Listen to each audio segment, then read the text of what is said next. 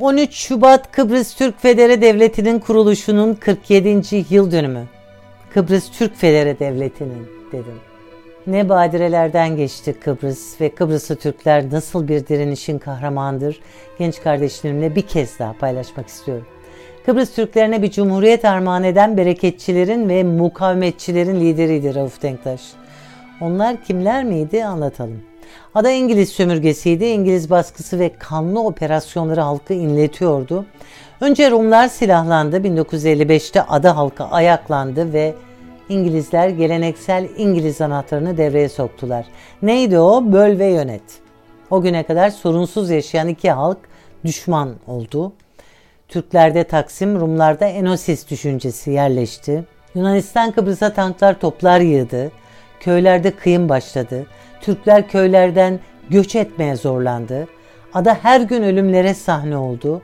İşte bereketçiler böyle bir ortamda doğdu. Bereketçi Vehbi Mahmutoğlu'yla merhum Vehbi Mahmutoğlu'yla bir Kıbrıs seyahatimde tanıştım. Köylerini nöbetleşe beklemeye başlamışlardı. Koca köyde tek bir tabanca bir de av tüfeği vardı. Rum askeri enselerindeydi. Silah lazımdı.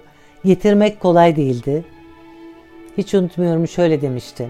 İngiliz bizi yakalasa idam edilirdik. Rum yakalasa kurşuna dizerdi. 1958 Ağustos'unda Türk Mukavemet Teşkilatı kuruldu. Doktor Fazıl Küçük ve Rauf Denktaş teşkilatın başındaydılar. Silah lazımdı, kayık lazımdı. Silah sevkiyatı için Türkiye kıyılarına ulaşmak lazımdı. Küçücük sandallarıyla derme çatma motorlarla 24 saatte Türk kıyılarına ulaşıyorlardı. Anamur Tarsus taş ucundan bereket yani silah bulup geri dönüyorlardı. Türkiye kıyılarına vardıklarında da her şey kolay değildi. Yakalanıp soruşturmaya alınıyorlardı.